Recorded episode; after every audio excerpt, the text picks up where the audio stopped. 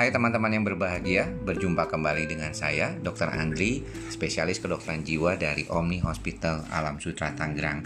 Di kesempatan kali ini, saya ingin berbagi di podcast saya, Psikosomatik Dr. Andri, bersama seorang perempuan yang bekerja dulunya, tapi kemudian memutuskan untuk usaha sendiri Mengapa saya memilih topik ini? Karena saya melihat teman-teman belakangan ini banyak yang mengalami hal-hal yang tidak nyaman dalam hidupnya tentunya berkaitan dengan masalah pemutusan hubungan kerja maupun pembayaran gaji yang tidak sesuai lagi seperti dulu.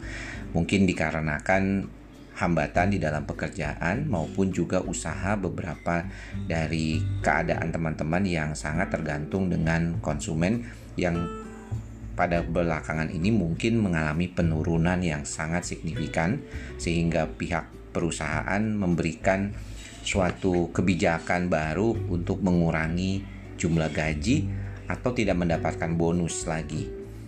Tentunya teman-teman tidak menginginkan hal ini terjadi ke depannya Nah, untuk itu saya mau berbincang dengan istri saya sendiri sebenarnya tentang bagaimana dia bisa mengubah dirinya dari seorang karyawan yang kerja di rumah sakit menjadi seorang kalau kita bilang pengusaha.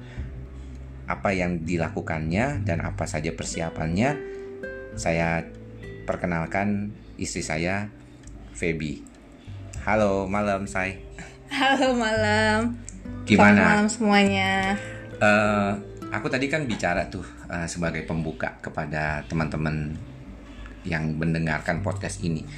Uh, gimana tuh awalnya dari kemudian memutuskan karena kamu kan sebenarnya dokter ya, hmm. tapi kemudian kan kamu uh, ternyata lebih memilih karir sebagai uh, non dokter gitu ya waktu itu tidak menerima pasien ya, tapi awalnya menerima pasien ya. Uh, Mungkin kamu bisa ceritakan tuh dari akhirnya memutuskan untuk uh, kemudian selesai dan memilih peng, menjadi pengusaha ini. Karena kita dulu pernah bikin podcast ya tentang hmm. mengapa kamu tidak jadi dokter. Itu kan kamu sudah ceritakan sedikit latar belakang hmm. kenapa kamu memilih untuk tidak uh, bekerja kembali gitu ya. Hmm. Karena waktu itu kan adik, uh, anak kita lahir yang ketiga ya. Hmm. Tapi waktu itu uh, setelah kamu selesai jadi karyawan di hmm. Mana tuh? Di di salah satu rumah sakit. hmm. kemudian kamu memutuskan untuk jadi pengusaha dalam tanda kutip lah. Nah kamu coba jelaskan uh, bagaimana tuh yang memutuskan itu terjadi? Uh, jadi waktu itu waktu itu kan udah udah saya udah pernah uh, aku udah pernah ceritakan ya. Jadi maksudnya kenapa sam, dari karyawan uh, memutuskan untuk resign gitu kan.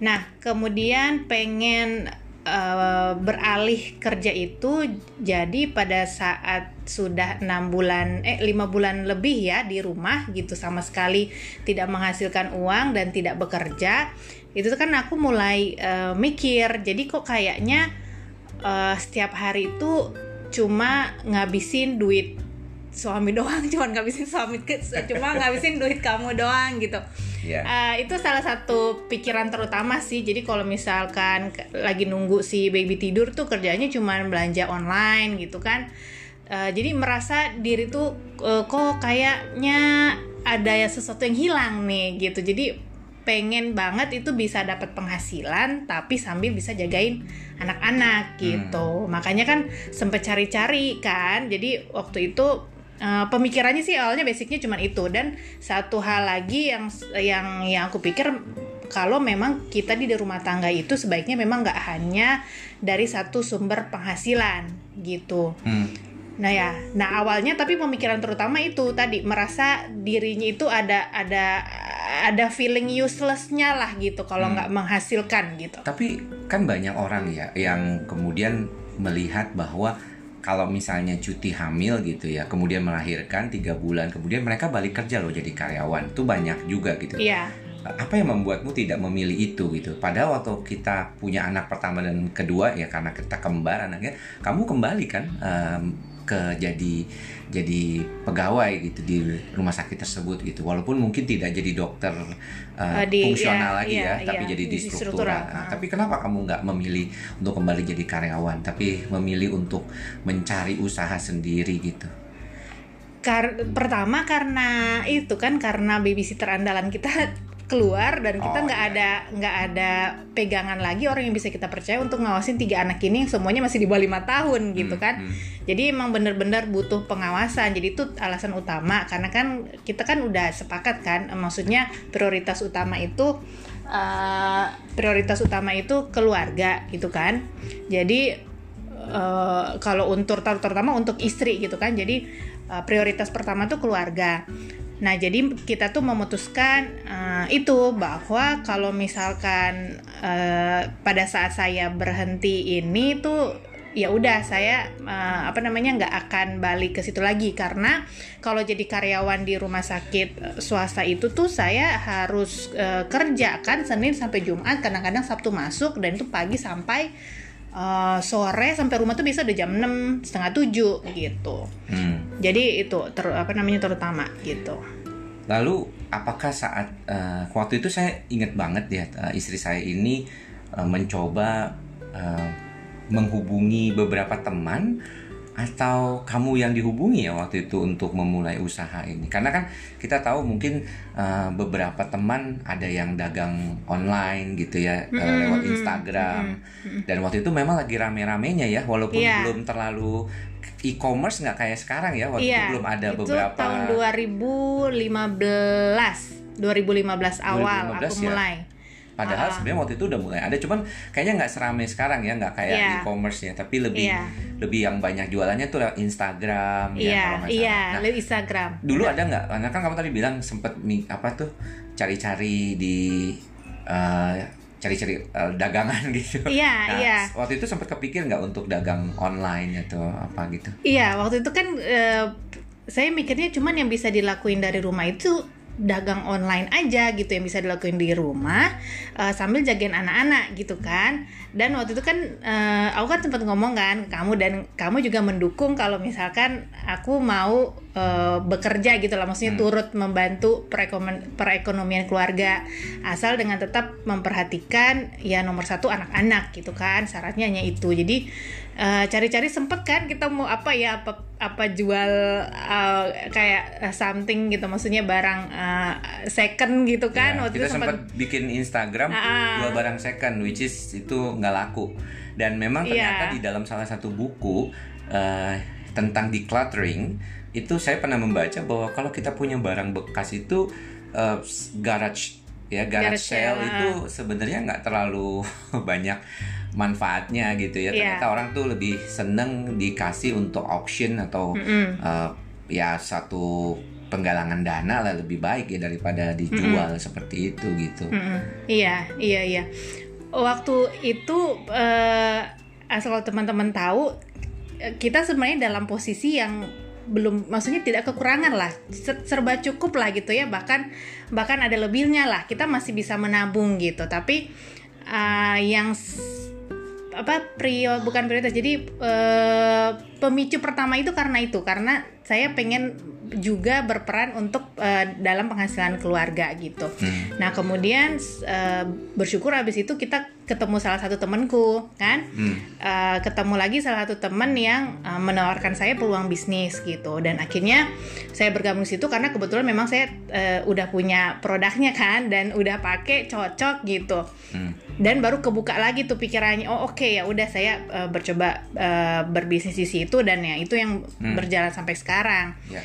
dan setelah masuk ke dunia itu memang awalnya kan pelan-pelan ya karena kan masih punya baby apa segala macam tapi dicoba dijalanin gitu. Kamu bisa atau boleh jelaskan nggak sih sebenarnya usaha apa yang ditawarkan oleh temanmu itu kalau misalnya mau berbagi di di podcastku ini? Kira-kira apa yang membuatmu kemudian menjadi tertarik gitu? Uh, mungkin kamu dulu bukan orang yang tertarik berbisnis tidak ada pengalaman karena kita sama-sama dokter ya. Iya. Uh, mungkin juga ada skeptis ya terhadap uh, jenis usahanya gitu ya. Iya. tapi apa yang membuatmu uh, mungkin bisa ceritain lebih jauh apa sih yang dilakukan? Ah, Oke, jadi waktu itu kan saya cuma berpikir yang untuk dapat penghasilan penghasilan tambahan ini jualan, which is sebenarnya aku juga nggak punya bakat jualan sama sekali, nggak pernah jualan satu barang apa pun se- belum ini gitu kan. Nggak pernah sama sekali. Meskipun ya ayah saya orang tua saya pedagang gitu tapi saya nggak pernah jualan barang apa pun. Cuma saya pikir salah satunya caranya ya udah jualan. Nah ketika ditawarin teman saya ini saya itu ber, cuma berpikir teman saya ini nawarin ya jualan produk ini gitu. Which is produknya udah saya pakai saya tahu bagus. Dan saya juga berpikir kan kalau misalkan saya backgroundnya dokter saya nggak mau dong jualan barang yang abal-abal gitu kan. Saya mau yang jelas gitu. Dari mana perusahaannya bikinnya gimana gitu kan terbukti atau enggak gitu kan. Jadi nah setelah saya uh, apa namanya uh, uh, deal dengan itu udah oke okay, ya udah saya mau. Nah setelah saya pelajar pelajarin lagi oh ternyata uh, perusahaan ini memang um, menjalankan di distribusinya itu dengan cara network marketing gitu ya. Hmm. Kalau orang sering bilangnya itu MLM gitu hmm, ya kan. Sempat skeptis nggak? Multi level marketing gitu. Karena kan kalau kita lihat beberapa teman itu sedikit banyak uh, ya. ya saya pernah juga uh, ada di level ya. uh, itu ya. Maksudnya kita berupaya mencoba saya ingat banget waktu residen waktu saya masih sekolah uh, kedokteran ya di kedokteran jiwa maksudnya bukan di saat uh, S1 tapi di saat udah mengambil spesialis saya juga sempat uh, berada di ajakan teman-teman gitu ya. Hmm. Uh, saya tahu itu bisnisnya bagus, oke okay, gitu ya. Tapi mungkin karena pikirannya nggak fokus ya, jadi kan pengen jadi psikiater. Nah, tapi kan banyak orang yang sangat skeptis ya. Mendengar hmm. MLM aja langsung, waduh, nggak deh hmm. gitu ya. Uh, teman-teman kita tuh banyak yang demikian. Nah, hmm. gimana? Saya sebabnya tahu banget istri saya ini bukan tipikal orang yang mudah dirayu ya dia dulunya juga kalau saya dulu pernah bilang eh kamu uh, coba uh, ikutan jadi dokter kecantikan gitu waktu itu lagi rame banget dokter kecantikan dia ini nggak nggak ah aku pengen jadi fungsional aja ngadepin pasien biasa atau jadi karyawan aja apalagi bawa usaha gitu itu sangat nggak pernah terbayangkan dalam pikiran saya gitu dan dia bisa mau seperti itu uh, ikut gitu ya. hmm. ya apa yang membuat seorang yang dulunya juga punya pikiran yang sangat bukan sangat mungkin ya skeptis lah Mm-mm. dengan MLM ataupun dengan multi level marketing ataupun direct selling seperti itu tapi sekarang kok jadi tertarik gitu. Tadi kamu sudah bilang satu adalah karena kamu melihat barangnya itu oke, okay, bagus gitu ya. Mm-mm. Tapi apa ya? Karena kan orang suka merasa nggak bentar jadi jauhi temen kemudian gak yeah, yeah, apa yeah. nanti saudara-saudara dijadiin uh, pelanggan dipaksa kayak gitu uh, uh, uh, uh. gimana tuh kalau dulu saya juga skeptis sama L, sama MLM itu karena dalam pikiran saya orang MLM itu tukang maksa. Jadi uh, mungkin banyak yang sama gitu. Meskipun ya saya itu nggak ngerti-ngerti banget gitu tentang MLM itu apa sih gitu. Kagak ngerti juga. Cuman uh, apa namanya uh, pik punya punya konsep pemikiran tuh kayak gitu gitu. Entah dapat dari mana kali ya waktu itu. Pokoknya punya konsep pemikiran kayak gitu. Nah tapi setelah saya uh, pelajari lebih lanjut gitu ya saya ikut uh, seminarnya ketemu orang-orangnya dan uh, apa namanya ketemu dengan cara juga waktu teman saya nawarin saya gitu ya uh, saya berpikir oh ternyata nggak nggak seperti itu gitu. Mungkin sih ada uh, memang karena kadang uh, eh, MLM itu ya dijelekin ya karena memang personal orang yang membawanya gitu sih. Jadi nggak semua disamaratain ya. Tapi setelah saya pelajari intinya adalah MLM itu adalah salah satu cara distribusi produk aja sebenarnya gitu. Jadi kalau yang misalnya yang konvensional itu kan dari pabrik terus uh, turun ke agen ke mana lagi distributor akhirnya baru sampai ke kan, uh, konsumen gitu ya. Nah ini kalau ini kan langsung gitu ya. Jadi uh, memutus uh, jalurnya itu uh, dengan konsep yang yang ini direct selling gitu. Konsepnya aja gitu. Dan uh, yang di sini yang saya lebih ter yang saya sukanya adalah uh, karena kita di sini bisa uh, berbisnis. Kita tahu ya kalau untuk berbisnis itu kalau bisnis besar kan modalnya gede ya. Dan uh, saya dan suami saya sama-sama orang yang sukanya main aman. Hmm, Jadi betul. takut untuk berbisnis yang ngeluarin modal gede gitu, takut rugi gitu. Nah, kalau di sini nih kita keluarin modelnya keluarin modalnya itu nggak gede, which is modal juga kita pakai sendiri gitu barangnya ya. Tapi kita punya uh, potensi income yang bisa sangat besar gitu seperti bisnis besar layaknya gitu. Dan salah satu yang saya suka lagi adalah caranya kita sampai ke sana adalah dengan ikut membantu orang lain untuk sukses bersama kita gitu. Hmm. Jadi win-win solution banget gitu kalau Hmm. kalau kalau menurut saya gitu ya jadi ya ya udah akhirnya saya jalani sampai sekarang ya uh, happy sih Hmm. dan satu lagi yang terpenting itu adalah saya ngerasa banget mengalami uh, apa namanya perkembangan diri gitu selama menjalani Hmm. uh, proses uh, di bisnis itu gitu Oke, jadi em, mungkin teman-teman akan banyak bertanya sebenarnya atau di dalam pikiran teman-teman sekarang nih sudah ada pertanyaan-pertanyaan yang mungkin eh, terungkap gitu ya. Kayak apa sih? Kayaknya gue lihat kayaknya MLM sama aja gitu ya semuanya ya. Dan saya rasa itu semua pertanyaan orang yang biasanya eh, baru pertama kali mendengar kata-kata tersebut. Saya jujur mengatakan bahwa saya pernah gitu ya eh, sampai ada persentasenya tuh saya sampai naik lah gitu ya naik panggung gitu saya dulu. Eh, dan ketika itu saya merasakan eh, kebahagiaan karena saya dapat eh, keuntungan ya dan belum punya istilahnya waktu itu bawa apa Belum punya tim. downline belum punya tim gitu ya. Tapi saya merasakan ada kebahagiaan. Namun ada beberapa hal yang saya lihat di dalam bisnis ini memang yang cukup membantu kita untuk mengatasi masalah diri kita sendiri. Dalam artian eh, perkembangan diri seperti tadi istri saya bilang juga menjadi jauh lebih eh, baik gitu ya. Karena kita bisa banyak baca buku diminta baca-baca buku dan segala macamnya. Nah kita berharap nantinya eh, kita akan membuat podcast ini agak berseri gitu ya. Artinya saya akan tidak terlalu banyak di awal untuk berbicara tentang teknisnya, tetapi saya ingin sedikit banyak eh, nanti istri saya Feby ini bercerita hal-hal apa saja yang dia dapatkan dari bisnis eh, direct selling atau MLM ini yang positif tentunya di podcast-podcast saya selanjutnya.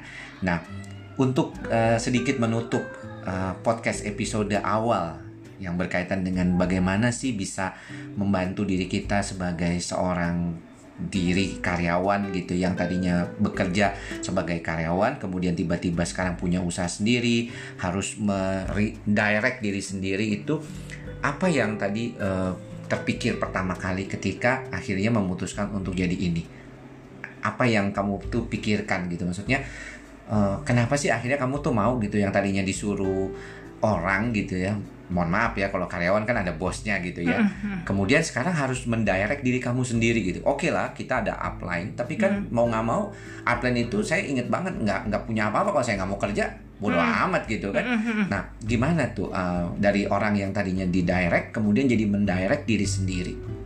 Ini sebagai penutup di podcast awal kali ini. Eh, ya, jadi itu memang sesuatu yang eh, tidak mudah karena kalau kita dari kecil kan memang udah dibelajar kayaknya untuk selesai kuliah itu, selesai sekolah itu untuk jadi karyawan sepertinya gitu ya, karena eh, untuk diatur oleh orang lain gitu. Dari sekolah pun kita diatur oleh orang lain. Nah, saatnya beralih untuk mengatur diri sendiri.